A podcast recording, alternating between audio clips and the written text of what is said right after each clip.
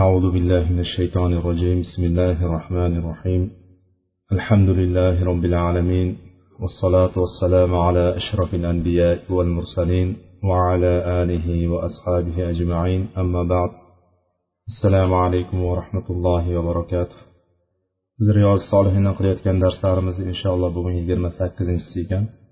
Biz muroqaba bobiga kelib to'xtagandik o'tgan darsimizda. Muroqaba bobidagi ilk oyatlarda o'shalarni ma'nolari bilan tanishib chiqqan bo'ldik inshaalloh o'sha kelgan joyimizda davom etamiz bugungi darsimizda o'tgan darsimizda ozgina eslatadigan bo'lsak birinchi imom navoiy rahimaulloh alloh taoloni quyidagi so'zini keltirgandi أعوذ بالله من الشيطان الرجيم الذي يراك حين تقوم وتقلبك في الساجدين bu birinchi oyat edi va huva maakum aynama kuntum degan oyat ikkinchi oyat edi mana shu ikkita oyatni biz e, tanishgan bo'luvdik bugun inshaalloh o'sha kelgan oyatlarimiz davomida innalloha la yaxfa alayhi shay'un fil ardi va la fis sama oyati inna robbaka labil mirsod oyati va ya'lamu xoinatal a'yuni va ma tukhfi sudur oyatlarini inshaalloh ko'rib chiqamiz. Birinchi oyatimizda alladi yaroka hina taqum va taqallubuka fis sajidin oyati. Bu payg'ambar sollallohu alayhi vasallamga xitob bo'lgan. Ya'ni alloh taolo sizni kechqurungi namozga turgan paytingizdagi holatingizni ham ya'ni namozga turgan paytingizni ham va sajda qiluvchilar bilan ya'ni namoz o'quvchilarni orasida harakat qilayotganingizni ham alloh taolo ko'rib turadi degan edi ya'ni bu bunday olib qaraganda birinchi bir tarafdan qaragan paytimizda imom navoiy bu oyatni birinchi o'ringa keltirdiki bu xitob payg'ambar sollallohu alayhi vasallamga bo'lganligi uchun bir tarafdan deb tushunsak ikkinchi tarafdan bandani yaratilishligidan bo'lgan maqsad ya'ni alloh taolo bizni yaratishimizdan bo'lgan eng asosiy ko'zlangan g'oya maqsad bu insonni ibodatidir. Biz bilamizki alloh taolo insonlarni va jin toifasini faqat o'zigagina ibodat qilish uchun yaratgan. Ya'ni men insonlarni va jinlarni faqatgina ibodat qilishlari uchungina ya'ni o'zimga ibodat qilishlari uchungina yaratdim degandi alloh taolo. Mana shu yaratilishligini sababi bo'lgan ibodatlarni ichida eng ulug'i bo'lgani namoz ibodati hisoblanadi. Shuning uchun ham bu nima? Namoz dinimizni ustuni hisoblanadi. Dinimizni ustuniki e, shahodat kalimasidan keyingi ikkinchi o'rinda turadigan va musulmonlarni boshqa millatlardan kufr millatidan shirk millatidan ajratib turadigan narsa ham shu namoz edi.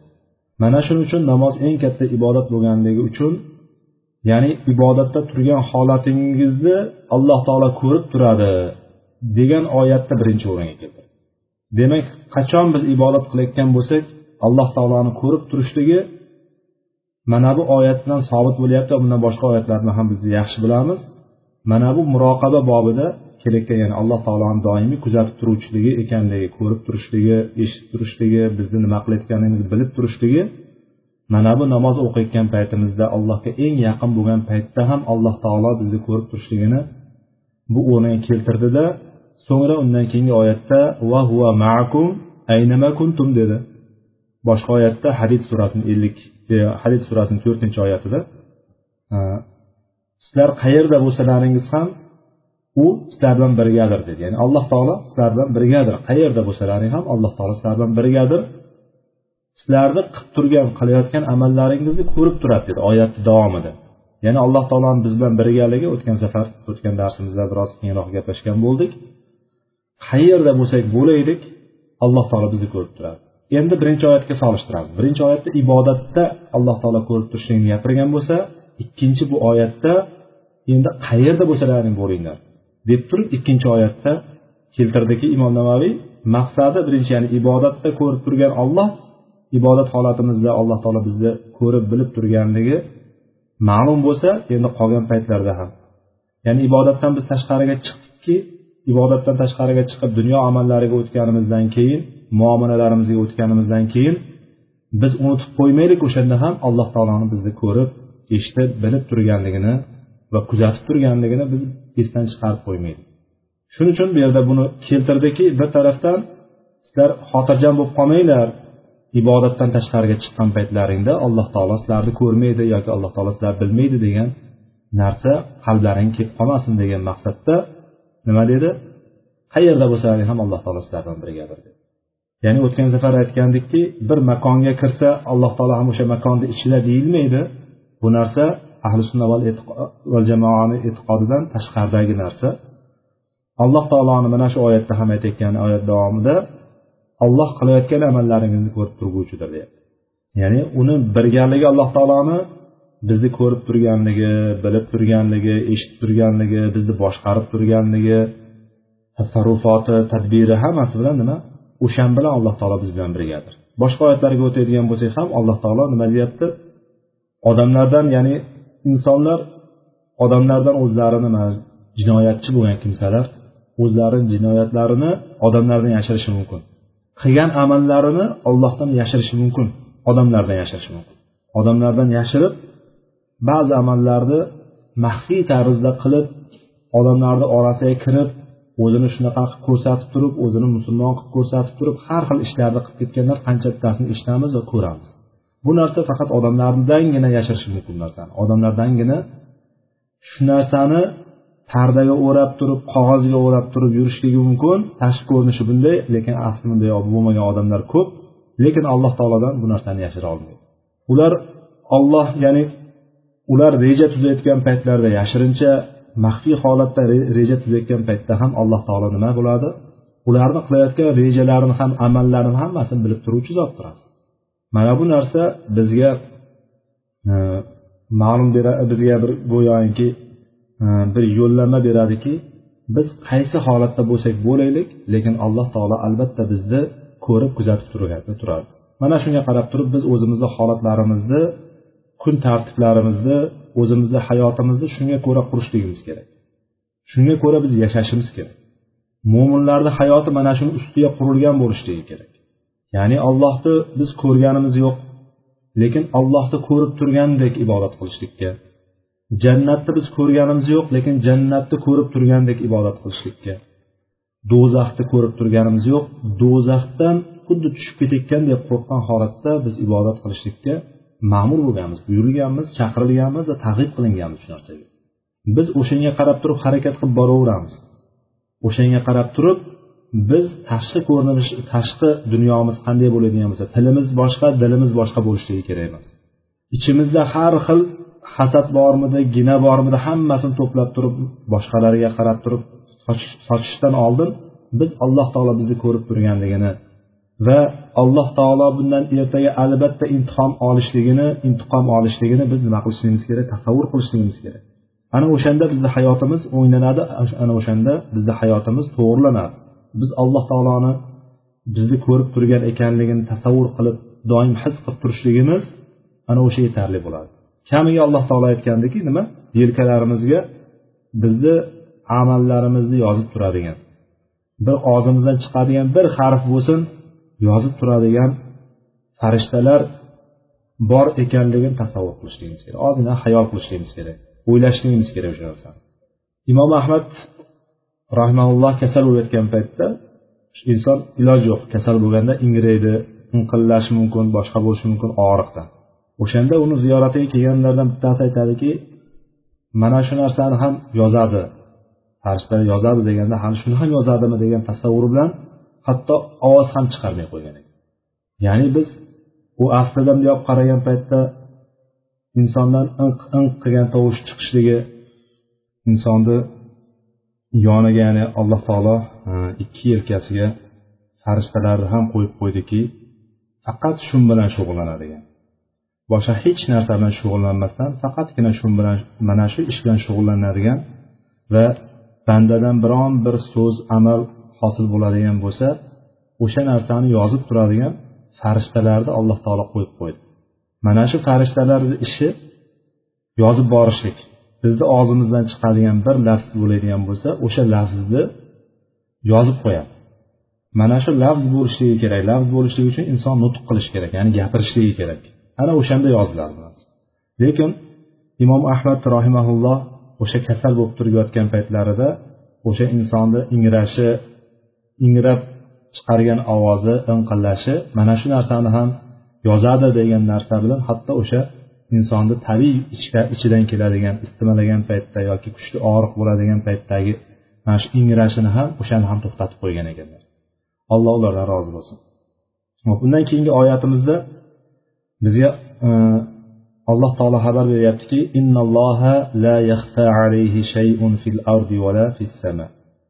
oli imron surasini beshinchi oyati ekan.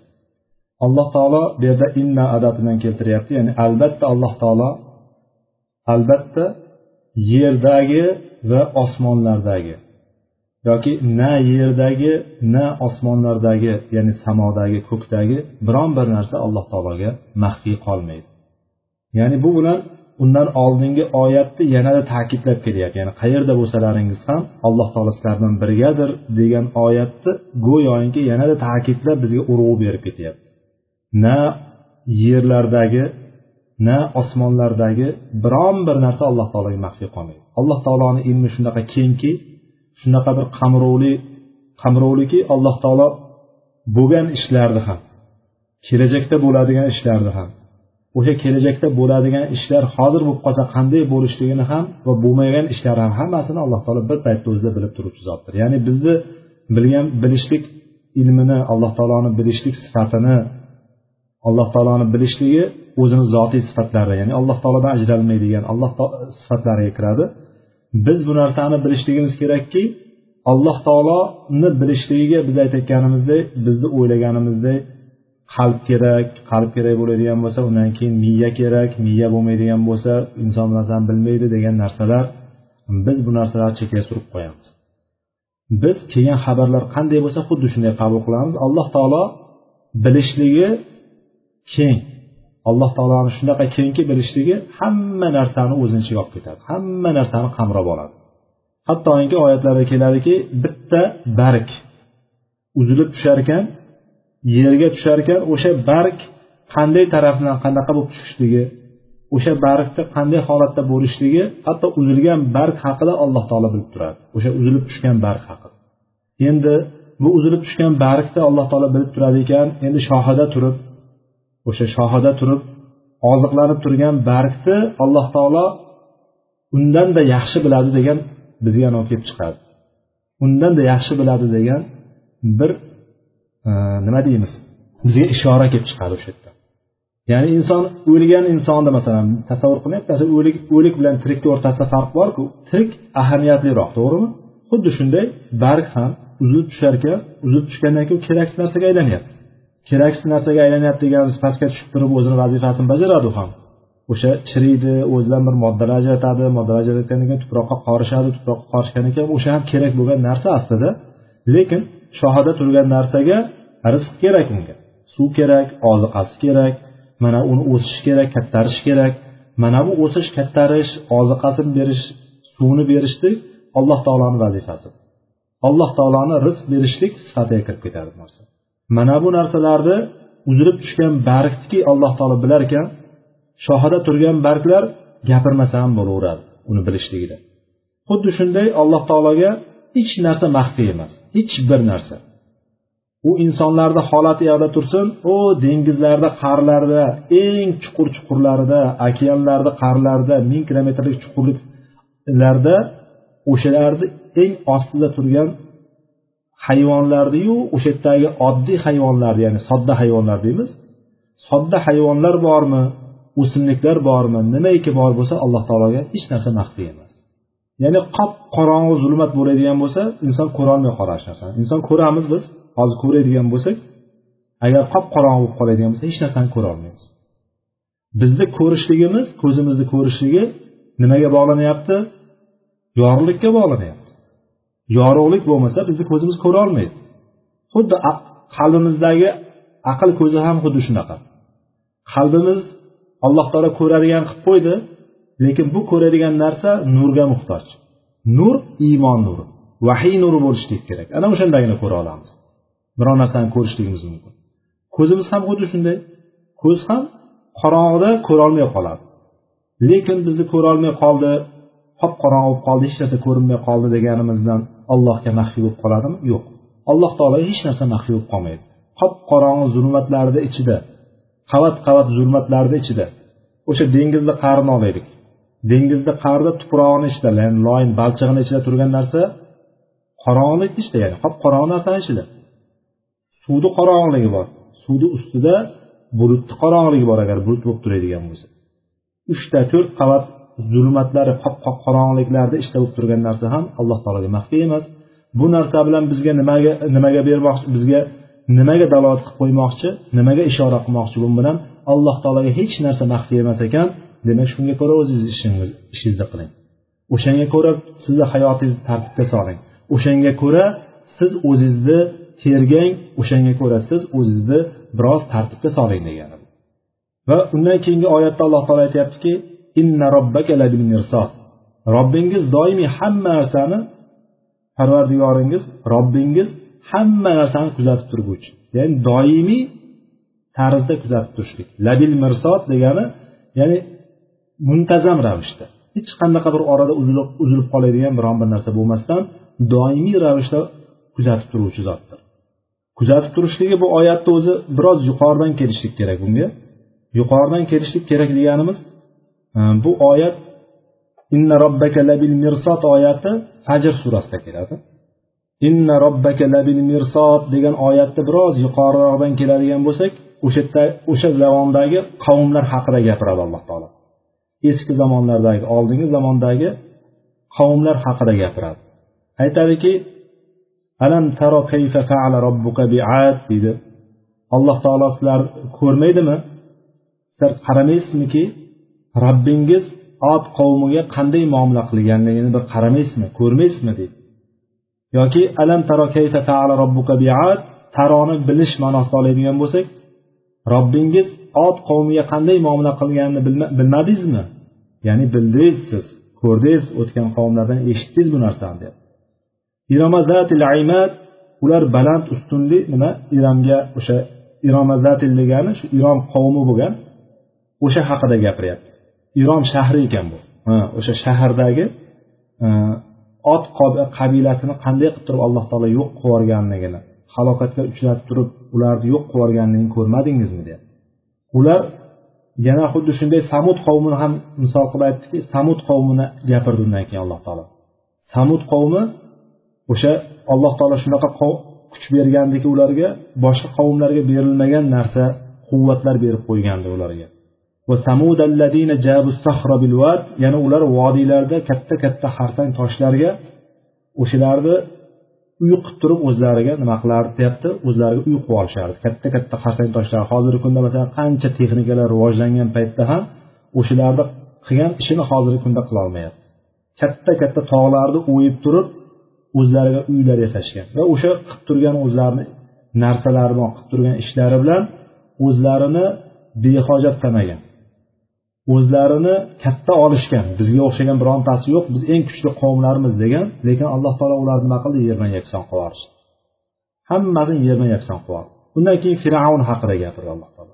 Ya'ni ko'p askarlari bo'lgan fir'avn ham uni holatini ham ko'rmadingizmi siz? Uni holatini bilmadingizmi bo'lganligini dedi va fir'avna bil avtad ular tug'yonga ketishdi. Alladina fil bilad.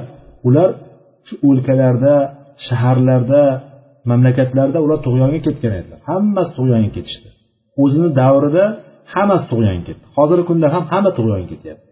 Illo alloh taologa bo'ysungan alloh taologa ibodatini qilgan va alloh taolo ularga rahm qilgan kishilarnigina nima qilyapti? Tug'yondan saqlanib turibdi. Bo'lmasam inson tabiati shundayki hammasi tug'yonga ketadi. Innal insana dedi alloh taolo. Albatta inson insonman degan kim bo'lishidan qat'iy nazar men insonman deb turib o'zini odamzodni zurriyotiga kiritar ekan hammasi tug'yonga ketadi faqatgina olloh saqlaganlargina olloh rahm qilganlargina tug'yonga ketmaydi. Hamma inson tug'yonga ketib qoladi kuchi bilanmi ilmi bilanmi o'zini jismoniy quvvati bilanmi puli bilanmi bola chaqasini ko'pligi bilanmi mansabi bilanmi nima bilan bo'lsa bo'lsin alloh taolo har bir insonga sifat qilib qo'yib qo'ydiki inson tug'yonga ketadi. O'zini katta oladi unutadi robbisi borligini o'zi arzimagan bir narsa ekanligini sal bir narsa bo'ladigan bo'lsa bir narsa ya'ni bunday olib qaraydigan bo'lsa qorniga kiradigan oddiy bir suv chanqoqligini bosadigan suv bo'lmaydigan bo'lsa inson o'shasiz yashay olmasligini inson biladi. Bilgani bilan bilmaslikka oladi go'yoki hamma narsa uni qo'lida. Nafas olishlik tasavvur qiling nafas olishlik. Hozir havo shunday og'iz burningizni shunday yopib qo'ysa nima bo'ladi? Qani qanchagacha chida olasiz ekan eng maksimum chidashlik mumkin bo'lgan narsa olti daqiqa. Olti daqiqada inson biologik o'limga kiradi. Ya'ni o'ladi inson tamom o'ladi. To'rt daqiqada inson klinik o'limga kiradi. Men meditsina jihatidan gapiryapman tibbiyot jihatidan insonni eng kislorodga kislorod deganimiz mana shu havo bilan kirib turib bizni hayotimizni ta'minlab beradigan narsa kislorod hisoblanadi. Kislorodga eng sezgir bo'lgan ya'ni kislorod yo'q bo'lishiga eng sezgir bo'lgan a'zo miya hisoblanadi.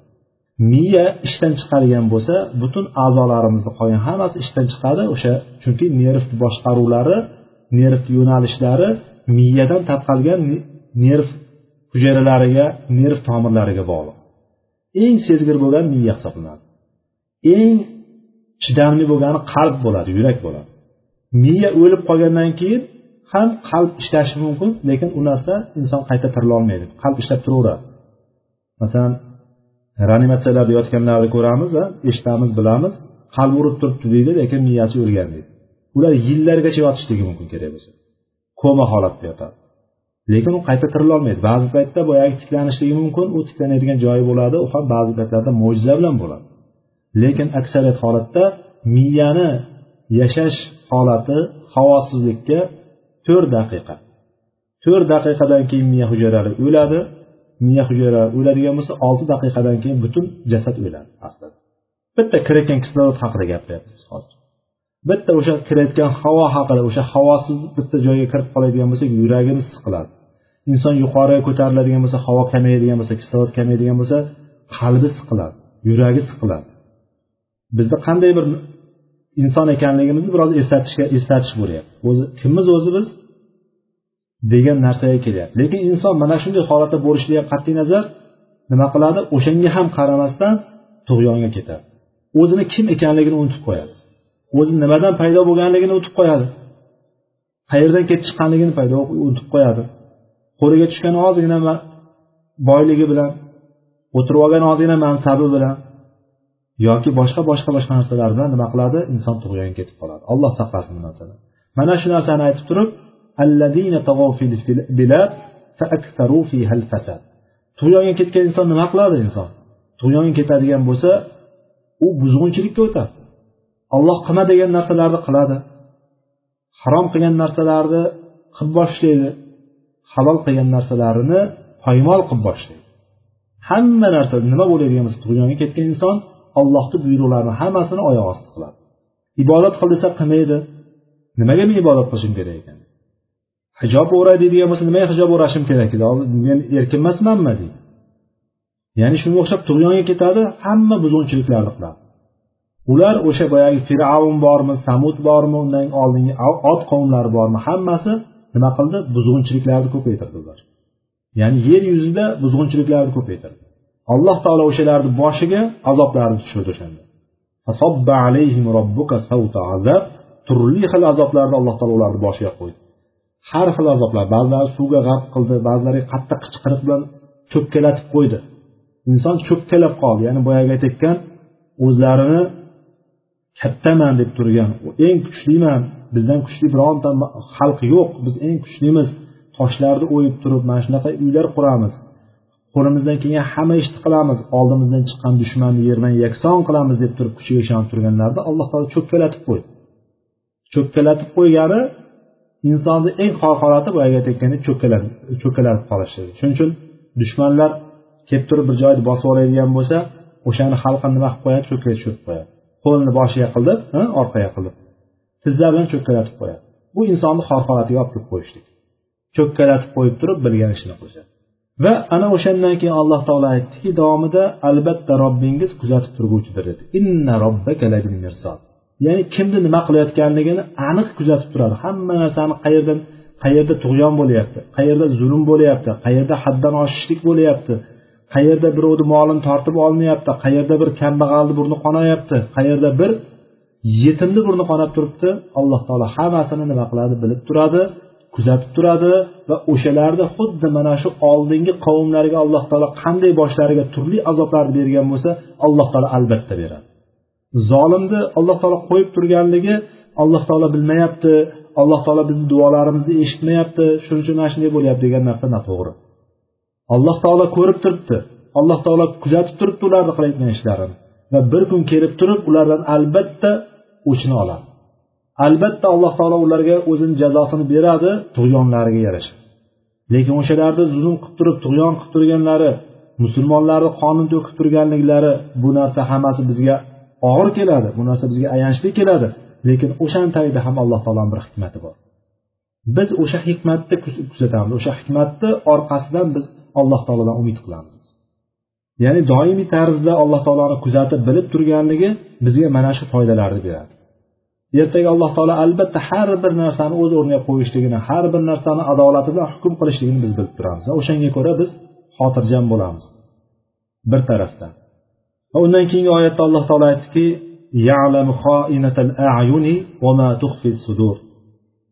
mana bu oyatda alloh taolo aytdiki alloh taolo ko'zlarning xiyonatini xoinatal ayun ko'zlarning xiyonatini va dillar yashirgan ya'ni qalblarimiz ko'kslarimizda yashirgan narsalarni ham alloh taolo bilib turadi deb turib marhamat qildi.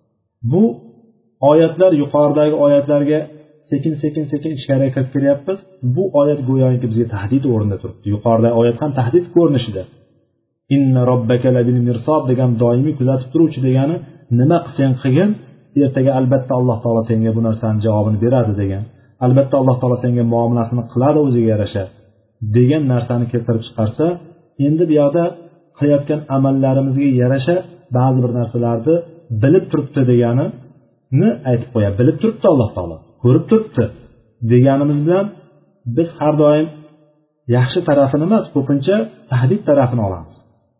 Masalan bittasini ogohlantirayotgan bo'lsak ham hali ko'rasan aytaman deymiz yo bo'lmasam ko'rib turibdi o'sha bilib turibdi bilib turibdi deb qo'yamiz.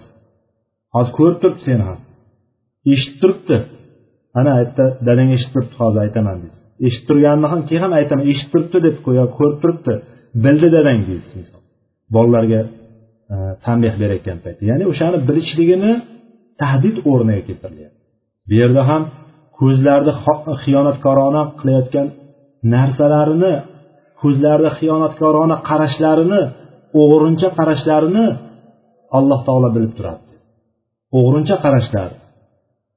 Oilalaridan yillarcha uzoqda yurgan erkaklar ish sababidan bo'lsin yoki ba'zi bir boshqa sabablardan ko'ra boshqa sabablardan ko'ra oilalarini yoniga kela olmasdan uzoq uzoqlarda yurgan pul topaman oilamni boqaman deb yurgan erkaklar yoki ollohni qadari yetib turib ollohning qadari bilan qamoqxonalarga tushib qolgan erkaklar.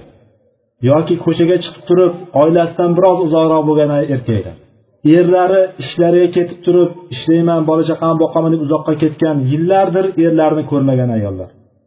Erlari qamalib qolib erlarini yillardan ko'rolmayotgan ayollar. Bularni hammasiga tegishli gap bo'lyaptiki ko'zlarni xiyonatini alloh taolo bilib turadi.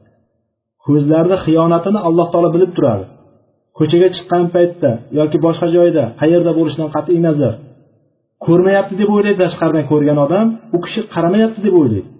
Lekin uni qarayotganligini o'zi biladi va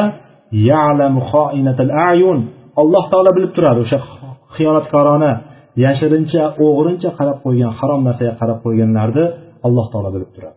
Ko'chada ketayotganda hijobni o'rab olib turib kerak bo'lsa ko'zlarini oldiga pardalar tortib turib pardani orqasidan erkaklarga qarab qolgan ko'zlar o'g'rincha qarab qolgan ko'zlarni alloh taolo biladi. Va o'shani orqasidan kelib chiqayotgan qalblarda yashirilib qolgan ba'zi bir shahvatlarni ham alloh taolo bilib turadi. Ko'zlariga quyoshdan to'sadigan qora ochkilar taqib turib ko'zni qayoqqa qarayotganini ko'rmasdan turib ayollarga qarayotgan nomahramlarga qarayotgan ko'zlarni xiyonatini alloh taolo bilib turadi. Bu nima bo'lyapti bizga? Tahdid bo'lyapti. Bu harom ishlarga qarayotganini alloh taolo albatta bilib turadi. U ham yetmaganda alloh taolo qalblarimizdagi narsalarni ham alloh taolo bilib turadi. Mana shu narsani biz his qilib yashashimiz kerak. Mana bu narsani biz o'zimizga o'zimiz doimiy tarzda nima qilishligimiz kerak? Takror qilib yurishligimiz kerak. Ko'chada yurib qolamiz. Ko'chada yurishga majbur bo'lib qolamiz. Ayollarga nisbatan oladigan bo'lsa majbur bo'lib qoladi erkaklar ishim deb yuradigan bo'lsa ayollar ba'zi bir masalalar bilan chiqib qolishligi majbur chiqib qolgan paytda avtobusda yuradi jamoat mana shu jamoatchilik avtobuslarda yuradi boshqalarda yuradi. O'sha yurgan paytda insonni shayton nima qiladi? Shayton doim insonni qoni bo'ylab harakatlanadi. Ya'ni inson tomirlaridan qon qanday harakat qilsa xuddi shunday harakat qilib turib insonlarni har xil yo'llarga burishga harakat qiladi. O'sha harakat qilayotgan tarafi birinchi o'rinda o'zini ko'rsatishlikka harakat qiladi ayollar ko'chaga chiqdiki go'yoki insonlarni o'ziga qarashligini o'ziga jalb qilishlikni xohlaydi aksariyat bu ayollar tabiatiga berilgan narsa. Uyda qilmaydigan ziynatini ko'chaga chiqayotgan paytda hijobini o'rab o'sha ziynatini qilib chiqib ketadi. Bu narsani alloh taolo bilib turibdi. Alloh taolo ko'rib turibdi. Alloh taoloni ko'rib turishligi ertaga buni albatta o'shani jazosi borligini qanaqa jazo jazo yo mukofotga aylanishligi jazo yoki azobga aylanishligi ikkalasi ikkita holati bor. Bu narsani alloh taolo bilib turibdi ko'rib turibdi. Inson ko'zini uyida bo'yamagan ayol ko'chaga bo'yab chiqishiga nimani tushunishlik mumkin? Javob beringlarchi. Uyda bo'yamagan ko'zini ko'chaga bo'yab chiqishligi nimani tushunishlik mumkin? Hijobda yuzini to'sgan ko'zi ochiq. Lekin o'sha ko'zini ham bo'yab chiqishligi nimani tushuntiradi bu? Bu narsa haromni tushuntiradi. Bu narsa harom bu narsa.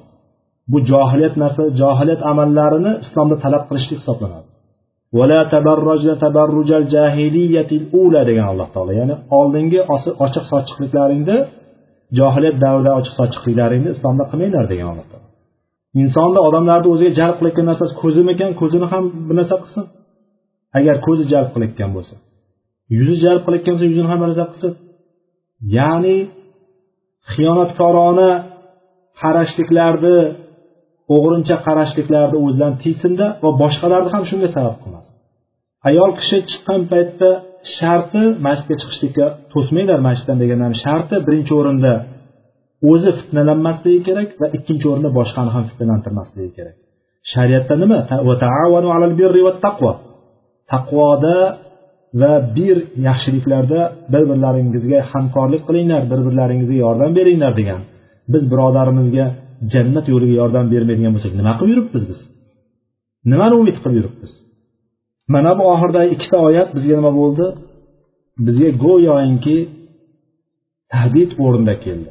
Mana bu oyatlar bizga tahdid qilayotganday go'yoki. Mana bu oyatlardan biz tushundikki bilib oldikki alloh taolo doimiy bilib turar ekan.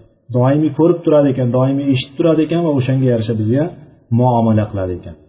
Mana shu narsani bilgan holatda biz o'zimizga o'zimiz nima qilishimiz kerak? Doimiy dakki berishligimiz kerak o'zimizga o'zimiz doimiy dalda berishligimiz kerak o'zimizga o'zimiz doimiy nima qilishimiz kerak? Tergab turishligimiz kerak o'zimiz.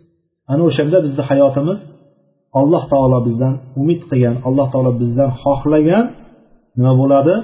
Alloh taolo bizdan xohlagan hayot yuzaga keladi. Hayot tarzi o'shanda yuzaga keladi. Musulmonni hayot tarzi shunday yuzaga keladi. Mana bu oyatlardan oladigan foydamiz ekan biz imom navaviyda keltirgan hadislari bilan tanishib chiqqanimiz tanishib chiqish davomida mana bu kuzatishlik bobi ya'ni muroqaba bobini yanada yaxshiroq tushunib boramiz. Birinchi hadisimiz meni kitobimda oltmish birinchi hadis ekan.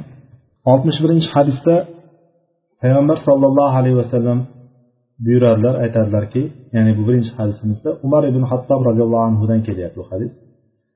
عن عمر بن الخطاب رضي الله عنه قال بينما نحن جلوس عند رسول الله صلى الله عليه وسلم ذات يوم إذ طلع علينا رجل شديد بياض الثياب شديد سواد الشعر لا يرى عليه أثر السفر ولا يعرفه منا أحد حتى جلس إلى النبي صلى الله عليه وسلم فأسند ركبتيه إلى ركبتيه ووضع كفيه على فخذيه umar ibn hattob roziyallohu anhu bizga rivoyat qilyapti bu hadisda biz umar roziyallohu umar roziyallohu anhuni juda yaxshi taniymiz hamma yaxshi taniydi umar roziyallohu anhuni umar roziyallohu anhu bizga aytib berayotgan bu hadisda bir kuni dedilar biz rasululloh sollallohu alayhi vasallam bilan birga o'tirgandik bir kuni deb aytayotganda baynana nahnu julusun deb aytgani kunlardan bir kun edi o'tirgandik birdan bir kishi kelib qoldi. Bir kishi kelib qoldi ya'ni bu kishini aytyapti ya'ni shu o'tirgan paytda to'satdan kelganligiga. O'zbek tilida banogoh deb aytamizku banogoh bir kishi keldi. Xuddi shunday jumla qurilyapti jumla yasalyapti bu yerda. Banogoh bir kishi keldi. O'sha kishini sifatlab aytyapti endi. Shadidu bayodi siyab oppoq kiyimli qop qora sochli safar alomatlari ya'ni safarda musofir kishini belgilari ko'rilmagan va bizdan biron kishi uni tanimagan deb turib sifatladi qaranglar bu sifatlashni ham bunga ham bir o'ziga yarasha ancha muncha adabiyot kerak. Adabiyot kerak degani inson o'sha o'zini fikrini bayon qilib bera oladigan ilm kerak bu narsaga. Arablarda bu narsa juda kuchli rivojlangan bo'lgan o'sha davrlarda va buni aytib berayotganligini har bitta gapini bitta bitta bog'lab chiqishlik mumkin bir biriga birinchi sifatlayotgan paytda inson tashqi ko'rinishini aytib beryapti. Tashqi ko'rinishi oppoq kiyimli qop qora sochli deb turib ta'riflayapti buni biz bilamiz yuqori e, oldindan eshitganmiz ko'p eshitganmiz o'qiganmiz. Jibril hadisi bu. Mashhur jibril hadisi deganda mana shu hadis ko'zimiz oldiga keladi. Va bu kelgan kishi jabroil alayhissalom aslida jibril alayhissalom kelgan inson shaklida kelgan inson suratida kelgan va buni biz juda yaxshi bilamiz. Endi mana shu biz hadisni matniga biroz kirishdan oldin mana shu har bittasini tanib chiqamiz. Ya'ni oppoq kiyimli degan paytimizda va qop qora sochli kishi deganda inson tashqi ko'rinishini ta'rifladi bizga. Sifatladi bizni ko'zimiz oldida bir kishi gavdalandi ya'ni. Oppoq kiyimli ekan qop qora sochli ekan degan bir ko'zimiz yonida bir gavdalandi bir kishi. Va davom etyaptiki unda safar belgilari safar alomati safar asari ko'rinmaydi izi ko'rinmaydi deb turib aytdi. Buni nimaga aytdi? Safar belgisi ko'rinmaydi degani bilardikki u paytlarda makka bu hozir madinada aytilgan hadis bo'lsa madina bunday olib qaraydigan bo'lsa bilamiz hozirgi kunda ancha shaharlashib ketgan bo'lsa ham oldindan bilamizki sahro ya'ni qumli joy va oldingiday asfaltlangan yo'llar beton qilingan yo'llar transportlar samolyotlar mashinalar bo'lmagan davr. Endi bir kishi tashqaridan keladigan bo'lsa yurib keladigan bo'lsa unda mutlaqo safarni belgilari bo'lardi. Safardan qolgan alomatlar bo'lardi. Sochini to'ziganligiyu kiyimiga g'ubor chang o'tirganligi deganday hammasi ko'rinib turardi. Kelgan kishini tashqaridan kelsa ko'rinib turardi. Ya'ni o'shani qorayib ketganligidan boshlaydigan bo'lsak qoraygani yuzdagi g'ubor sochidagi g'ubor kiyimidagi kir bundan ko'rinib turadi.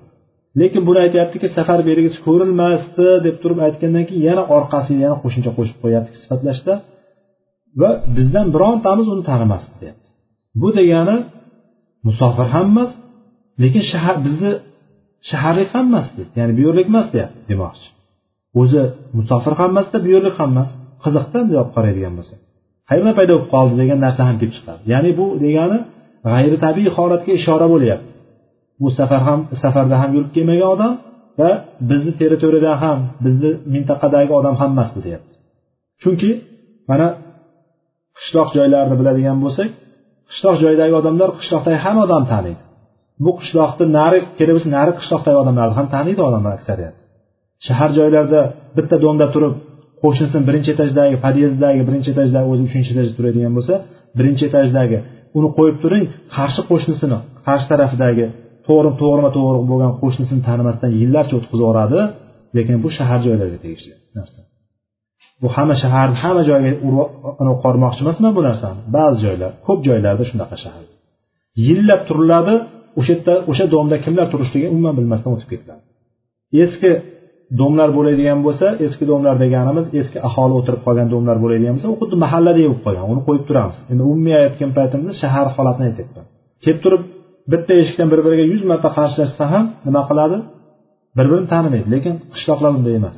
O'sha paytdagi payg'ambar sollallohu alayhi vasallam davridagi madina ham xuddi shunaqa bo'lgan. Ya'ni madinaliklar bir birini hammasi yaxshi taniydi hattoki atrofdagi qo'shni yahudlar bo'lsin boshqalar bo'lsin ular kirib keladigan bo'lsa ular ham tanishgan hatto u ham qo'yib turing har safar makkadan kelib turib madinada bir oralab turib shomga o'tib ketadigan karvonni ham hatto makkaliklarni ham ko'pini tanib qo'yishgan shomliklarni ham ko'pini tanib qo'yishgan bular shunaqa davr bo'lgan. Bir birini yaxshi tanib turgan holatdagi holat haqida bir tasavvur qilsak o'shanda tushunamiz. Mahalladoshlar bunday olib qoladigan bo'lsak qishloqda oladigan bo'lsak hamma taniydi bir birini xuddi shunday. Birdan bittasi ketib qoladigan tanimaydigan odam kelsa bittaga bilinadi bu ham oldingidek o'sha boyagi cho'l zonasi bo'ladigan bo'lsa sahro bo'ladigan bo'lsa tashqaridan yurib kelgan odam safardan kelganligi aniq bilinib turadi. Lekin bunda unisi ham yo'q bunisi ham yo'q. Bu bilan umar roziyallohu anhu bizga g'ayritabiiy holat ekanligini boshidan bizga urg'u bermoqchi bo'lyapti. Ho'p keldida bu joyda yana bitta narsa olib ketadigan narsamiz tolib ilmni odoblaridan bitta holatni ham olishimiz mumkin. Inson talabi ilm bo'ladigan bo'lsa ilm talab qiladigan bo'lsa mana shunaqa holatlar ya'ni tashqi ko'rinish bormi boshqasi bormi odob bormi mana odobni undan keyingisida ham olamiz. Keldida payg'ambar sollallohu alayhi vasallamni yoniga kelib o'tirdi va tizzalarini tizzalariga suyadi. Tizzalarini tizzalariga tekizib o'tirdi ya'ni hatto shunaqa yaqin o'tirganligiga ishora. Payg'ambar sallallohu alayhi vasallam o'tiribdilar. Keldida shunday yoniga kelib turib shunday tiz cho'kib o'tirdi. Tiz cho'kib o'tirganda tizzalarini tizzalariga tirab tizzalarini tizzalariga tekizgan holatda va qo'llarini kaftlarini ya'ni qo'llarini sonlarini ustiga qo'yib o'tiribdi. Ya'ni olib qaraydigan bo'lsak e, o'tirish tasavvur qildik o'tirgan paytda tizza cho'kib o'tiryapti xuddi namozga o'tirganimizda o'tiramiz qa'dada? Xuddi shunday o'tiribdida qo'llari ham xuddi namozda turgandek holatda turibdi. Tolib ilmni odobi mana shu yerdan kelib chiqadi. Bu hadisdagi tolib ilm bu kishi kelib turib go'yoki bir narsani bilishni o'rgangani kelgan kishi suratida kelyapti bu kishi. Go'yoki bir arobiy holati ya'ni bir tanimagan bir arobiy deganimizda u uzoq uzoq qishloqlardan kelgan bir kishi ko'rinishda kelyaptiku lekin kelgan paytdagi odobi tolibi ilmni odobini beryapti. Bu odobi arablarda ya'ni o'sha boyagi arobiy deganimizdagi qishloqlik u sahroyiy badaviy da bo'lmagan narsani bu kishi ko'rsatib beryapti. Asli badaviy ko'rinishda kelyapti lekin badaviylarda topilmaydigan noyob bir odobni mana shu yerda ko'rsatyapti. Kelib turib shunday o'tirib xotirjam yonma yon o'tirib olib turib yuzma yuz qarshima qarshi bir biriga yuzma yuz o'tirib olgandan keyin qo'llarini sonlariga qo'yib turib gapni boshlayapti. Ya muhammadu axbirni islom deb kelib turib ey muhammad dedi. Islom haqida menga xabar bergin dedi islom haqida menga bildirib qo'ygin dedi islom haqida menga o'rgatarmisan deb so'radi. Ya'ni bu degani ya muhammadu deb turib sahobalar umuman xitob qilishmasdi sahobalar ey muhammad deb xitob qilishmagan hech qaysi sahobalar ey muhammad deb xitob qilmagan chunki bu narsadan qaytarilgan. Sizlar o'zlaringizda oralaringda bir birlaringni chaqirganlaring kabi payg'ambarni shunaqa qilib chaqirmanglar deb turib alloh taolo qaytargan. Oyatlar nozil bo'lgandi bu narsa. Bu narsa payg'ambarimizni ismlari bilan ya'ni biz boshqa birodarimizni yoki boshqa bir kishini chaqirayotgan paytimizda ismini aytib chaqiramiz. Lekin bu narsa payg'ambar sollallohu alayhi vasallamga mumkin emasligi uchun ismi bilan sahobalar hech qaysi aytishmagan. Ya muhammadu deb turib aytilgan xitob chaqiriq ya'ni ey muhammad deb turib xitob qilishlik faqat arobiylarda bo'lgan ya'ni payg'ambar sallallohu alayhi vasallam tanimagan va ular ilmdan uzoq bo'lgan kishilar bo'lganligi uchun payg'ambar sallallohu alayhi vasallam tanishgan paytda ham o'zlari o'sha ilmlardan bexabar bo'lishgan. Bexabar bo'lishligi sababidan kelib turib ya muhammadu deb turib xitob qilgan. Bu ham arobiy sifatida kelyapti boya aytayotganimizdek arobiy ya'ni badaviy sahroiy bir ilmdan uzoq bo'lgan arobiy sifatida kelyaptida mana shu sifat saqlab qolyapti. Ya muhammadu deb turib xitob qilyapti ya rasululloh demayapti. Mana shu sifatdan anaqa qilyapti lekin undan oldingisi o'tirishligi kelishligi o'zini tashqi ko'rinishligiyu kelib turib odob bilan o'tirishligi bu narsa badaviylarga yot bo'lgan narsa. Lekin bu narsani bizga tolib ilmni odobini ko'rsatishlik uchun odobini bildirib qo'yishlik uchun olimlar aytishadi mana shu yerda tolib ilmni odobi bor deydi ho'p kelib turib islom haqida menga xabar bering dedi islom haqida xabar bering dedi payg'ambar sollallohu alayhi vasallam bu savoldan keyin javob berdilarki الإسلام أن تشهد أن لا إله إلا الله وأن محمد رسول الله رسول الله وتقيم الصلاة وتؤتي الزكاة وتصوم رمضان وتحج البيت إن استطعت إليه سبيلا Payg'ambarimiz sallallohu alayhi vasallam islomni nima ekanligini bizga xabar berib boshladi. Islom ollohdan o'zga hech qanday ibodatga loyiq bo'lgan iloh yo'q va muhammad ollohning elchisi rasulidir payg'ambaridir deb guvohlik berishliging dedi. Birinchisi guvohlik. Ya'ni allohdan o'zga iloh yo'q yo'q deb turib payg'ambar sollallohu alayhi vasallamni muhammad sallallohu alayhi vasallamni rasululloh deb turib guvohlik berishlik dedi birinchisi. Ikkinchisi namozni qoyim qilishligingiz zakotni o'tashligingiz ramazon ro'zasini tutishligingiz va yo'lga qodir bo'ladigan bo'lsangiz baytni ya'ni baytullohil haromni masjidil haromni kabatullohni haj qilishligingiz deb turib beshta narsani sanadi boyagi kishi sadoqta deb ha to'g'ri aytdingiz deb rost aytdingiz deb qizig'a so'ragan kishi o'zi aslida bilmagandan so'raydi. Endi o'zida oldindan bilgan odam bir narsani so'rasa javob bersangiz ha to'g'ri aytdingiz deb qo'yadigan bo'lsa bilgan odamni ishi bu shunda umar roziyallohu anhu aytyaptiki biz juda bir ajablandik. Hayrat hayratga tushdik bu kishini holatidan. So'rayapti o'zi va orqasidan tasdiqlab qo'yyapti so'ragan odam bilgan narsasini o'rganganiga alhamdulillah deyish kerakda. Bu kishi to'g'ri aytdingiz deb qo'yadi shunga biz ajablandik deyapti. Keyin boyagi kishi savolda davom etdi. Biz endi mana hadisni e, bir matni bilan tanishib chiqaylik keyin e, umumiy tarjimasi bilan tanishib chiqaylik keyin ozgina sharhi bo'ladigan bo'lsa ozgina sharhga kirishamiz. Iymon dedi undan keyin iymon haqida xabar bering dedi payg'ambarimiz aytdilarki billahi va malaikatihi va kutubihi va rusulihi va yawmil axiri va tu'mina bil qadari khayrihi va sharrihi aytdilarki allohga iymon keltirishliging uning farishtalariga iymon keltirishliging kitoblariga payg'ambarlariga oxirat kuniga va qadarning taqdirning yaxshisi va yomoniga taqdirning yaxshi va yomoniga iymon keltirishliging deb turib bu yerda ham oltita narsani sanadi ya'ni allohga farishtalariga kitoblariga payg'ambarlariga oxirat kuniga va qadarning yaxshi yomonligiga. Oltita narsani sanadi va boyagi kishi aytdiki sadoqda yana aytdiki rost aytdingiz dedi. To'g'ri aytdingiz dedi. Va savolda davom etdi. Ha endi menga unday bo'lsa menga ehson haqida xabar beringchi dedi.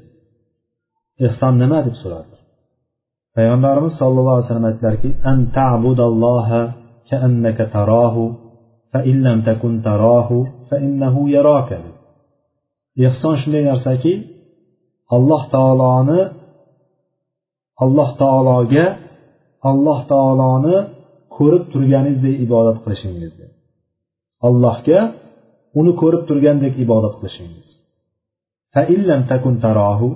Agar uni ko'rib turganday ibodat qila olmasangiz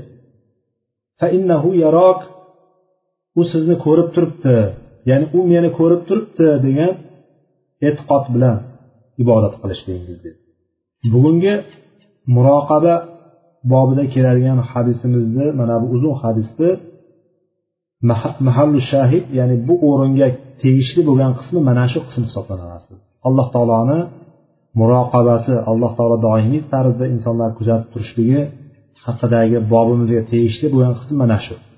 Ehson. Allohni ko'rib turgandek ibodat qilishlik alloh taoloni ko'rib turganda ibodat qilmasa olloh meni ko'rib turibdi deb turib ibodat qilishlik. Mana shu qismi. Ho'p hadisimizni davom etamiz. Qola boyagi kishi davom etyapti savolda. Unday bo'lsa menga soat haqida xabar bering dedi. Soat ya'ni qiyomat soati haqida. Qiyomat kuni haqida xabar bering dedi. Qola payg'ambarimiz aytdilarki mal mas'ulu anha bi'alana ya'ni bu haqda so'raluvchi kishi ya'ni so'raluvchi deb o'zlarini aytyapti.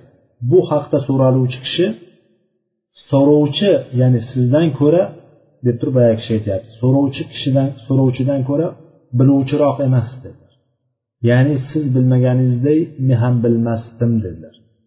Ya'ni sendan ortiq joyim yo'q men bu borada degandek go'yoki. Bunaqasiga oladigan bo'lsak buni ikki tarafga ham e, sharh berishimiz mumkin. Payg'ambar sallallohu alayhi vasallam bu kishini jabroil ekanligini bilgan holatda ey jabroil siz ham bilmaysiz men ham bilmayman degani kelib chiqadi birinchisi. Ya'ni siz bilmaganingizdek bu narsani men ham bilmayman qiyomat qachon bo'lishini degani kelib chiqadi. Ikkinchisi agar jabroil ekanligini bilmagan taqdirlarida ham o'sha payt o'sha soatda bilmagan bo'lgan taqdirlarda ham bu savolga javob berayotgani ya'ni sen so'rab turibsan hozir bilmaganingda men ham bilmayman demoqchi bo'lgani. Sendan ortiq joyim yo'q deymizku biz. Bu narsada sendan ortiq joyim xuddi narsa kelib chiqadi. Sendan ortiq joyim yo'q ya'ni bu narsani men ham bilmayman degani kelib chiqadi. Yanada soddalashtirsak men ham bilmayman bu narsani sendan ortiq joyim yo'q degani kelib chiqadi. Xullas ikkita taraf ham ikkala ma'no ham to'g'ri. Buni hech bir payg'ambar sallallohu alayhi vasallam sha'nlariga pastlatishlik degan narsa yo'q bu yerda payg'ambar alayhi vasallam bilmasliklarini ifoda qilyapti. Qiyomat soatini ollohdan boshqa hech kim bilmaydi. Hech kim bilmaydi. Bironta bandasi bironta farishtasi eng muqarrab farishtasi eng yaqin bo'lgan payg'ambari ham bu narsani bilmaydi. Ho'p undan keyin ehm, bu kishi savolni davom etdi. Savol berishlikda davom etdi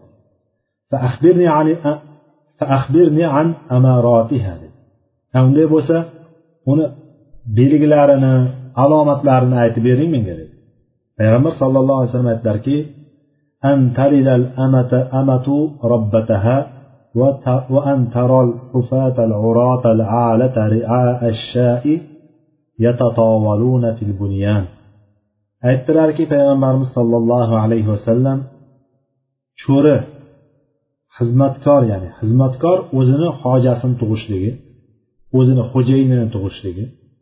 Bitta robbataha robbata deb kelyapti robbataha robba robbat robbaha bo'lsa e, sayyidi bo'lardi. Bu yerda robbataha bo'lganligi uchun hojasini ya'ni e, ayol kishi haqida gap ketyapti ya'ni cho'ri o'zini sayyidasini tug'ishligi. Ya'ni bunday olib qaraganda e, onalar bolalariga cho'ri bo'lib qolishligi degani ham kelib chiqadi onalar bolalariga cho'ri bo'lib qolishligi ya'ni ona bolani tug'adi. Bu bitta ma'no ya'ni tom ma'nosini aytyapman bunga sharh beryapmiz ozgina. Bu bunaqa bo'lishi ham bunaqa bo'lishi ham mumkin degan narsada odamlar bolalarini tug'adida tuqqandan keyin u katta bo'lib turib balog'atga yetgandan keyin ham u qariguncha xizmatini qilib o'tib ketib qoladi. Bolalarini xizmatini qariguncha o'rgancha qilib o'tadi. Go'yoki onalar bolalariga xizmatkor manzilatiga tushib qoladi. Alloh saqlasin va antarol hufatal urotal alata ri'a ash-sha'i yatatawaluna fil bunyan.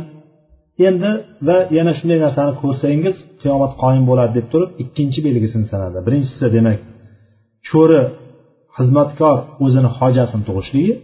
Ikkinchisi kambag'al bo'lgan kishilar. Ufat o'zi e, yalang oyoq. Yalang oyoq kambag'al och nahor bo'lgan kambag'al yalang'och bo'lgan e, kishilarni qo'yboqar kishilarni sha degani o'sha qo'yboqar cho'ponlarni yalang oyoq kiyimsiz va kambag'al bo'lgan cho'ponlarni uy qurishlikda. Bino qurishlikda bir biri bilan musobaqalashayotganligini ko'rasiz dedi. Musobaqalashayotgan bir biriga kim o'zlariga uy qurishlik? Odamlar uy quradida ikkinchisi qo'shnisi undan keyin uy qurgan kishi bir qarich bilan qilib qo'yib qo'yadi. A u chiqadida meni uyimga butun soyamni tushirib qo'yding deb turib janjal qiladi. Bu o'zimizdagi holatlarni bir e, parchasini gapiryapman men men bu narsaga toshkentga ilk kelgan paytimda bu narsaga guvoh bo'lganimda juda ajablangandim. Shu bo'lgan bir voqeani bir o'sha yerda bir kishinikida mehmon bo'lib qoldik. O'sha kechasi uyqu berishmadi qisqasi. Uyqu berishmadi degani qo'shnilar bir birlari bilan janjal bo'lgan o'shanda. Nimamish bittasi bir qarich baland qurib qo'yganmish. Havo kirmasdan uyiga mana shunaqa holat bo'lyapti ekanmish. Ya'ni demoqchi bo'layotganim bundan o'n besh yil yigirma yil oldingi holatlardaki o'sha narsa yuzaga kelib boshlagandi. Endi qolgan paytlarda bu taraflarini qo'yaverasiz. Bir biridan kim o'zlariga shunaqa musobaqalashib qurib borishaveradi borishaveradi borishaveradi. Hozirgi kunda bunday olib qaraydigan bo'lsangiz tepasiga yuz yuz e, yuz qavatdan yuz yigirma qavatdan baland bo'lgan uylarni e, sahrolarda hech narsa yo'q bo'lgan joylarda masalan olaylik dubaylarni imoratlarni oladigan bo'lsak hech narsa bo'lmagan bir paytda sahro bo'lgan o'sha joylar cho'l bo'lgan. Endi o'sha cho'lni o'rtasiga shahar qurib qo'yib qo'yibdi. Baland baland uylar. Mana shu demak qiyomatni yana bitta alomati ekan so'ngra summan taloqa so'ngra ketdi boyagi kishi. Bu savollarni berib bo'ldi keyin ketdi. Talabistu mariyan dedi umar roziyallohu anhuga biz bir qancha vaqt o'tirib qoldik. Bir qancha o'sha ketgandan keyin biroz o'tirib qoldikda keyin payg'ambar sallallohu alayhi vasallam aytdilarki ya umaru atadri sail dedi. Ey umar so'ragan kishi kimligini bildingmi? deb so'radilar payg'ambar sallallohu alayhi vasallam. Umardan. So'ragan kishi kimligini bildingizmi? deb so'ragan paytda aytdiki qultullohu va rasuluhu a'lamu deb ya'ni olloh va rasuli biluvchiroq deb javob berdim. Shunda payg'ambar sallallohu alayhi vasallam o'zlari javob berdilarki فإنه جبريل أتاكم يعلمكم dinukum dedilar. Ravohi muslim imom muslimning rivoyatlari ekan. Payg'ambar sallallohu alayhi vasallam aytdilarki bu jabroil edi bu jibril edi. Sizlarga dinlaringni ta'lim berishlik uchun kelgandi deb turib payg'ambar sallallohu alayhi vasallam marhamat qildilar. Ya'ni din bu narsani oxirida aytayotgan payg'ambarimiz sallallohu alayhi vasallamni so'zlaridan boshlab aytadigan bo'lsak diqqatimizni tortadigan e'tiborimizni qaratadigan joyimiz bu jabroil edi sizlarga dinlaringni o'rgatgani keldi dedi. Yuqorida hozirgi hadisimizdan butun dinimiz tushunar ekan ya'ni. Din deganimizda qisqacha tarzda umumiy tarzda bilmoqchi bo'lsak mana shu hadisga murojaat qilsak yetarli ekan. Birinchi islomni so'radi hadisda birinchi islom haqida so'radi. Islomni oltita rukni haqida gapirildi. Payg'ambar sallallohu alayhi vasallam oltita ruknni aytib berdilar. Ya'ni o'shandan bitta rukn tushib qolsa ham kishi musulmon hisoblanmaydi aslida bittasi tushib qolsa musulmoni noqis hisoblanadi ba'zi bir olimlarni qarashi bo'yicha. Masalan deylik inson la ilaha illalloh muhammadu rasululloh deb guvohlik bergandan keyin musulmon bo'ladi aslida. Shu bilan kiradi islomga. Undan keyin uni to'rtta narsasi qolyapti. Namoz ro'za zakot haj qolyapti. Mana shularni birontasini qilmagan kishi musulmonmi musulmon emasmi degan bitta ixtilof bor aslida olimlarni o'rtasida.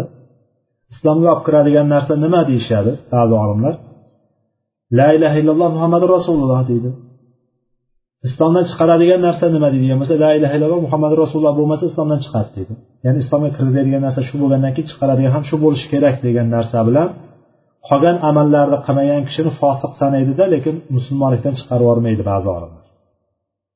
Lekin undan keyingi narsalarni tafsilotlari bor biz tafsilotlarga kirmaymiz. Ya'ni namoz biz bilan kofirlarni mushriklarni o'rtasini ajratib turuvchi narsa namoz degan hadisga ko'ra namozni farz ekanligini bilgan kishi namozni besh vaqt namozni o'qishlik farz ekanligini bilib allohni tanigandan keyin besh vaqt namozni qilmagan kishini islomdan chiqarib yuboriladi islom oti musulmon oti unga loyiq emas. Yoki zakot ham xuddi shunday ro'za ham xuddi shunday haj ham shunday. Shulardan birontasini inkor qilgan kishi bu narsa qilinmaydi bu narsa bekor aytibdi degan kishi dindan chiqadi. Tushuntirganda tushuntirgandan keyin qaytmaydigan bo'lsa u murtad bo'ladi kofir bo'ladi. Tushuntirib ey bu narsa bunday bunday bunday qilmasa bo'lmaydi bunaqa bunaqa deb turib yaxshilab tushuntirib qilgandan keyin o'sha narsani yana o'zini qaysarligi bilan tark qilib inkor qiladigan bo'lsa bu narsa kofirligi aniq bo'ladi. Ho'p demak beshta narsa. Mana shu beshta narsa bilan islom mujassam bo'ladi. Bir butun bo'ladi. Birontasini tushib qolishligi bilan islom kishini islomi musulmonchilik nuqsonli bo'ladi. Qanchalik darajada susayib boraversa shunchalik susayib boraveradi. Ya'ni inson mana shu narsalarni beshta narsani tan olib turib qilib boshlasa kishi musulmon hisoblanadi. Ya'ni dinimizni birinchi bosqichi deb hisoblasak bo'ladi. Mana shu hadisga ko'ra martabalarga ajratadigan bo'lsak bu dinimizni birinchi qismi. Musulmonlik bosqichi. Ikkinchisi payg'ambarimiz sallallohu alayhi vasallamdan nimani so'radi? Jabroil alayhissalom so'ragani iymon haqida so'radi. Ya'ni iymonli bo'lgan iymon deganimizda mo'min bo'ladi kishi. Mo'min bo'ladi. Ya'ni iymonda ham oltita narsani sanadilar payg'ambarimiz sallallohu alayhi vasallam. Unda ham oltita narsa bor ekan. Oltita narsadan birinchisi allohga iymon keltirishlik. Allohga iymon keltirishlik degan paytimizda hamma narsani olib ketadi. Alloh haqidagi ma'rifatni hammasini o'z ichiga olib ketadi. Ma'rifat. Ya'ni bu hadis o'zi juda keng hadis. Buni har bitta bobiga alohida alohida har bitta bo'limiga alohida alohida dars qilishlik kerak bo'ladigan mavzu lekin biz bu yerda oladigan narsamiz asosiy muroqaba bobi bo'lganligi uchun muroqaba bobiga biroz to'xtalib o'tamiz. Qolganlarini ham umumiy tarzda bilib o'tib ketamiz. Ya'ni alloh haqidagi ma'rifat allohni e, boyagi aytayotgandek rububiyatini ulug'iyatini ism sifatlarini biz tavhid kitoblarida ajratib o'rgatiladi. Asli bir butun narsa. Bir butun narsa odamlarga o'rgatish osonroq bo'lsin o'rganish qulaylashsin deb turib ularni olimlar bo'lib bo'lib bo'lib chiqishgan. Bir biridan ajratib chiqishgan. Lekin bu ajralmas narsa. Alloh taoloni yaratuvchi ekanligini bilgan hamma mulk alloh taoloniki ekanligini malikul mulk zot mulk ollohniki ekanligini bilgan kishi va alloh taoloni tadbir qiluvchi ya'ni butun yer yuzidagi butun koinotdagi alloh taolodan boshqa hamma narsani alloh taolo boshqarib turadi degan uchta narsa jamlash jamlashlik mana shu uchta narsaga kelib to'xtaladi. Hamma butun rububiyat. Rububiyat deganimiz alloh taoloni rububiyati alloh taoloni parvardigor rob ekanligi tarbiyat kunanda ekanligi mana shu uchta narsaga kelib taqaladi. Alloh taoloni yaratuvchi ekanligi alloh taoloni hamma narsani mulki butun narsa hamma narsa allohni mulki ekanligi va alloh taoloni hamma narsani boshqarib turuvchi ekanligi hamma narsa shunga kelib taqaladi. Demak siz bilasizki alloh taoloni bir mulki ekanligini bilsangiz o'zizni va alloh taolo birinchi yaratdi. Va o'sha alloh taolo mulki ekansiz. Alloh taolo o'zi xohlaganday rizq beradi xohlaganday sizga muomala qiladi xohlasa o'ldiriladi xohlasa tiriltiradi xohlasa unday qiladi xohlasa bunday qiladi degan narsani mulk ollohni qo'lida xohlagancha beradi xohlagancha oladi xohlagan payti berib xohlagan payti oladi degan narsalarni bilsak va tadbir biron bir narsa bo'lmaydi alloh taoloni xohishi bilangina bo'ladi. Alloh taolo o'zi boshqarib turadi. Bizni harakatlarimizni ham amallarimizni ham alloh taolo yaratadi degan narsalarni hammasini bir joyga keltirgan odam kishi ha demak shunday zot bor ekan demak biz unga ibodat qilishimiz kerak ekan degan ibodatni taqozo qiladi bu narsa. Demak biz ibodat qilishligimiz kerak alloh taolo. Ya'ni bu degani rububiyat alloh taolo rububiyatini ya'ni alloh taoloni parvardigor ekanligini alloh taoloni tarbiyat kunanda ekanligini bilgan kishi bevosita ha ibodatga loyiq boshqa narsa yo'q ekan boshqa zot yo'q ekan deb turib ibodat qilishlikka o'sha zotga majbur bo'ladi ibodat ya'ni bu ulug'iyatni taqozo qiladi endi bu ulug'iyatni qilayotgan paytimizda biz alloh taolo o'zini bildirgan sifat ism sifatlari bor. Alloh taolo rahmandir rahimdir malikdir malikul mulkdir azizdir qodirdir deb hamma narsasi bu sifatlarni alloh taoloni biz tanib chiqadigan bo'lsak alloh taoloni yanada yaqinroqdan taniymiz. Yaqinroqdan tanishligimiz bizni ibodatimizga yanada bir lazzat qo'shadi. Ibodatimizni lazzatini orttiradi bilgimiz bilishligimiz qancha yaxshi bo'ladigan bo'lsa qancha kengroq bo'ladigan bo'lsa bizni qilayotgan amallarimiz ham shunga yarasha bo'ladi. Ho'p birinchi alloh taologa iymon keltirib oldik. Alloh taolo bor ekan alloh taolo bizni yaratgan ekan alloh taolo hamma narsani boshqarib turar ekan va ibodatga haqli zot olloh ekan deb iymon keltirdi inson. Undan keyin ketma ketlikda farishtalarga iymon keltiramiz. Kitoblariga iymon keltiramiz payg'ambarlarga iymon keltiramiz oxirat kuni oxirat kuniga hamma narsa kirib ketadi. Insonni o'limidan boshlab turib qayta tiriltirib hisob kitob kuniyu jannat do'zax hammasi mana shu oxirat kuniga iymon kirib ketadi. Undan keyin qadarni yaxshi va yomoniga iymon keltirishlik. Qadarni yaxshi yomoniga iymon keltirishlikda hadisda keltirayotgan paytimizda va malaikatihi va kutubihi va rusulihi va yawmil axir deganda boshida tu'mina hammasiga bitta vov vov vov bog'lanib ketdi. Ya'ni bunday qaraydigan bo'lsak tu'mina boshida ishlatildi. Ya'ni iymon keltirishlik degan. Va tu'mina bil qadari xayrihi va sharrihi deb turib tu'mina alohida ishlatildi yana. Buni ham bir o'ziga yarasha bir hikmati bor. Yana iymon keltirishlik so'zini qaytadan ishlatilishligi oxirida taqdirni yaxshi yomoniga iymon keltirishlikni yana qaytadan ishlatilishligini bu ko'pchilik shu yerga kelgan paytda siljib ketib qoladi. Chunki kelayotgan narsa bizga bir kasallik keladigan bo'lsa biz o'zimiz yaratib olyapmizmi kasallikni. O'zimiz xohlab sotib olyapmizmi yo'q. Yo birov beryaptimi? Bizga birov majburlab bizni kasal qilib qo'yaptimi yo'q. Nima bilan bo'lyapti? Olloh xohishi bilan bo'lyapti. Bizga bir musibat kelyapti. Olloh xohishidan tashqariga chiqib ketib kelyaptimi? Yo'q olloh xohishi bilan kelyapti. Bizga bir yaxshilik kelyapti.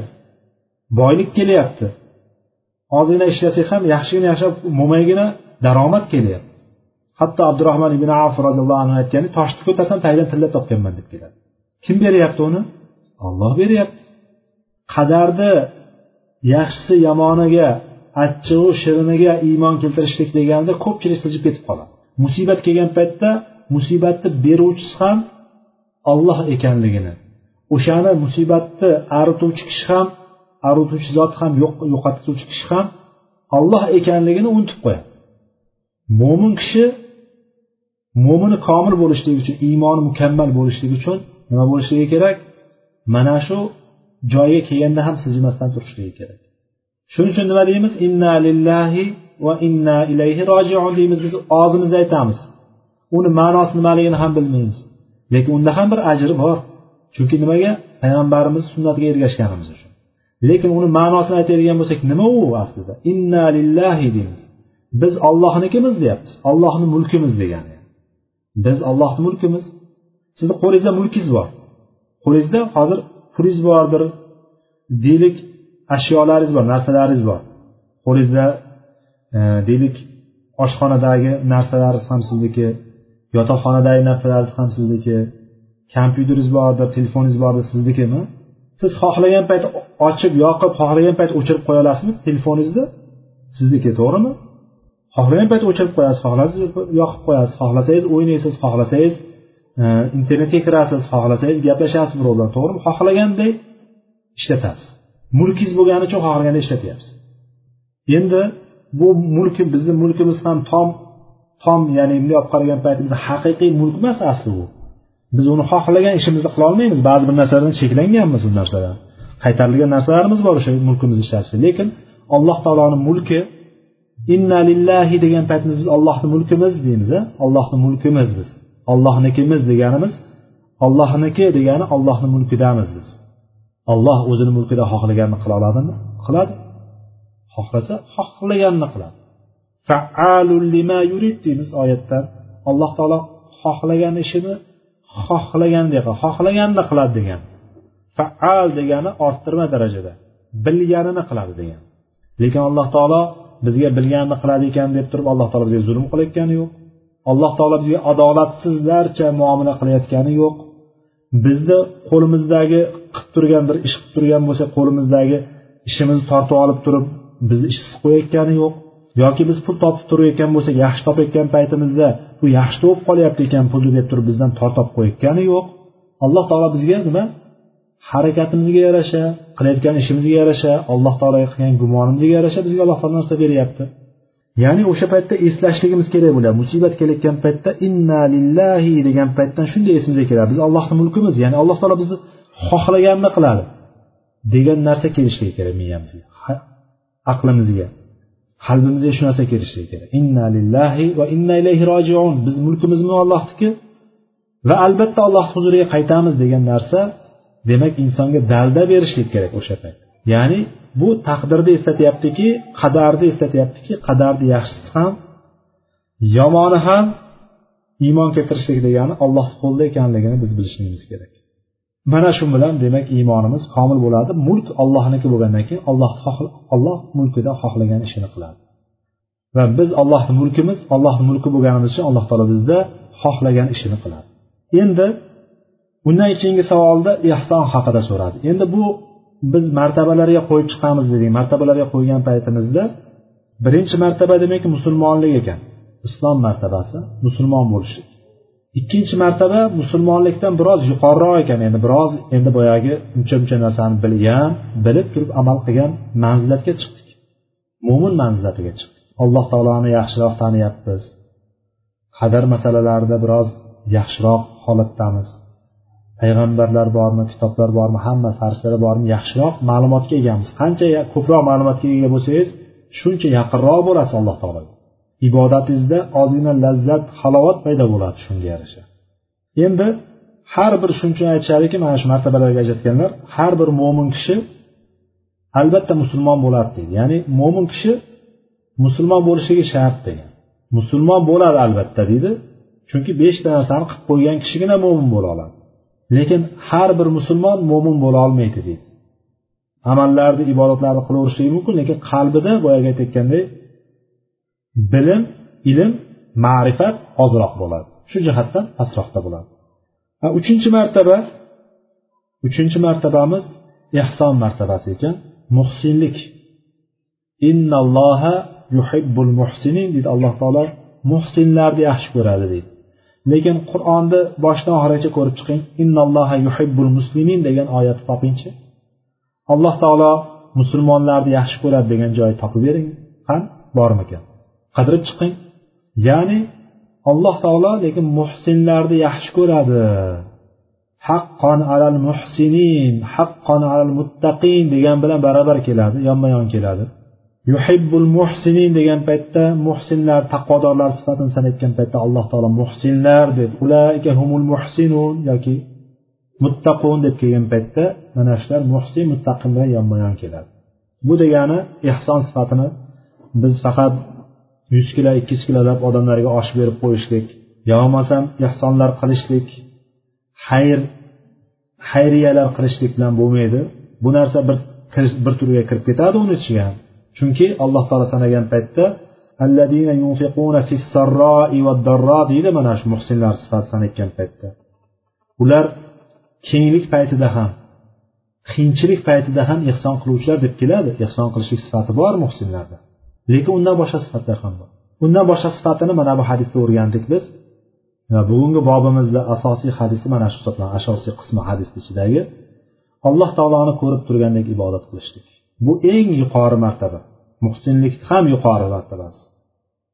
Alloh taoloni ko'rib turganda ibodat qilishligingiz jannat va do'zaxni ko'zingizni oldida tasavvur qilgan holatda ibodat qilishligingiz bu narsaga yetishishlik bu narsaga erishishlik juda qiyin bo'lgan narsa. Inson o'zi sinab ko'rsin. Biz boshqalardan ko'rishlikdan ko'ra biz o'zimiz tirik tajribamiz ya'ni. Tirik yonida turgan o'zimiz tajribamiz. O'zimizni hayotimizga bir qarab turib o'zimizni bir solishtirib ko'rsak ko'raveramiz bu narsani bu narsa juda qiyinligi bo'lganligidan payg'ambarimiz sallallohu alayhi vasallam ikkinchi pastroq bo'lsa ham ikkinchi martabasini ham aytib qo'ydiki ehsonlikni muhsinlikni. Agar ollohni ko'rib turgandek ibodat qila olmasang olloh meni ko'rib turibdiku degan ibodatni qilishdi. Olloh meni ko'rib turibdi degan ibodat o'shanday holatda bo'lib turib ibodat qilishlik demak biz ibodat qilayotganda bir amal qilayotgan paytimizda bir ish qilayotgan paytimizda qarshimizdan bir harom chiqib qolgan paytda qarshimizdan bir shubhali narsa chiqib qolgan paytda yoki bir o'zimiz muhtoj bo'lib turgan paytda boshqa biriga yordam qilishlik oyati ansorlar haqida nozil bo'lgan. O'zlari o'sha narsaga muhtoj bo'lib turgan holatlarida boshqalarni o'zlaridan afzal ko'radi. Ya'ni o'zlaridagi narsani o'zlari muhtoj bo'lgan holatlarda birovlarga ravo ko'radi degan sifatni alloh taolo ansorlarda aytgan o'sha sifat ansorlarda shu sifat bo'lgan. Bu sifatga erishishlik ham qiyin narsa bu. Inson o'zini nafsi bilan doimiy kurashda bo'lishlik kerak. O'zi bir narsaga muhtoju bir narsaga muhtoj pulgamidi yoki bir narsagamidi nimaga bo'lsa ham o'zi muhtoj bo'lib turgan holatda birodaridagi muhtojlikni ko'rib turib o'sha birodariga o'sha narsani ravo ko'rishlik bu iymonni eng oliy darajalaridan bittasi muhsinlik darajasi. Va alloh taoloni ko'rib turishlik ko'rib turganini his qilib turishlik bilan ibodat qilishlik mana bu nima bo'lar ekan? Muroqaba kelib chiqar ekan alloh taoloni kuzatib turganini his qilishlik va o'shanga yarasha hayotini hayot tarzini qurishlik kelib chiqar ekan. alloh taolo bizni ham muhsinlardan qilsin mana bu o'qigan o'rganayotgan hadislarimizga oyatlarimizga alloh taolo amal qilishligimizga tavfiq bersin سبحانك اللهم وبحمدك أشهد أن لا إله إلا أنت أستغفرك وأتوب إليك وآخر دعوانا أن الحمد لله رب العالمين السلام عليكم ورحمة الله وبركاته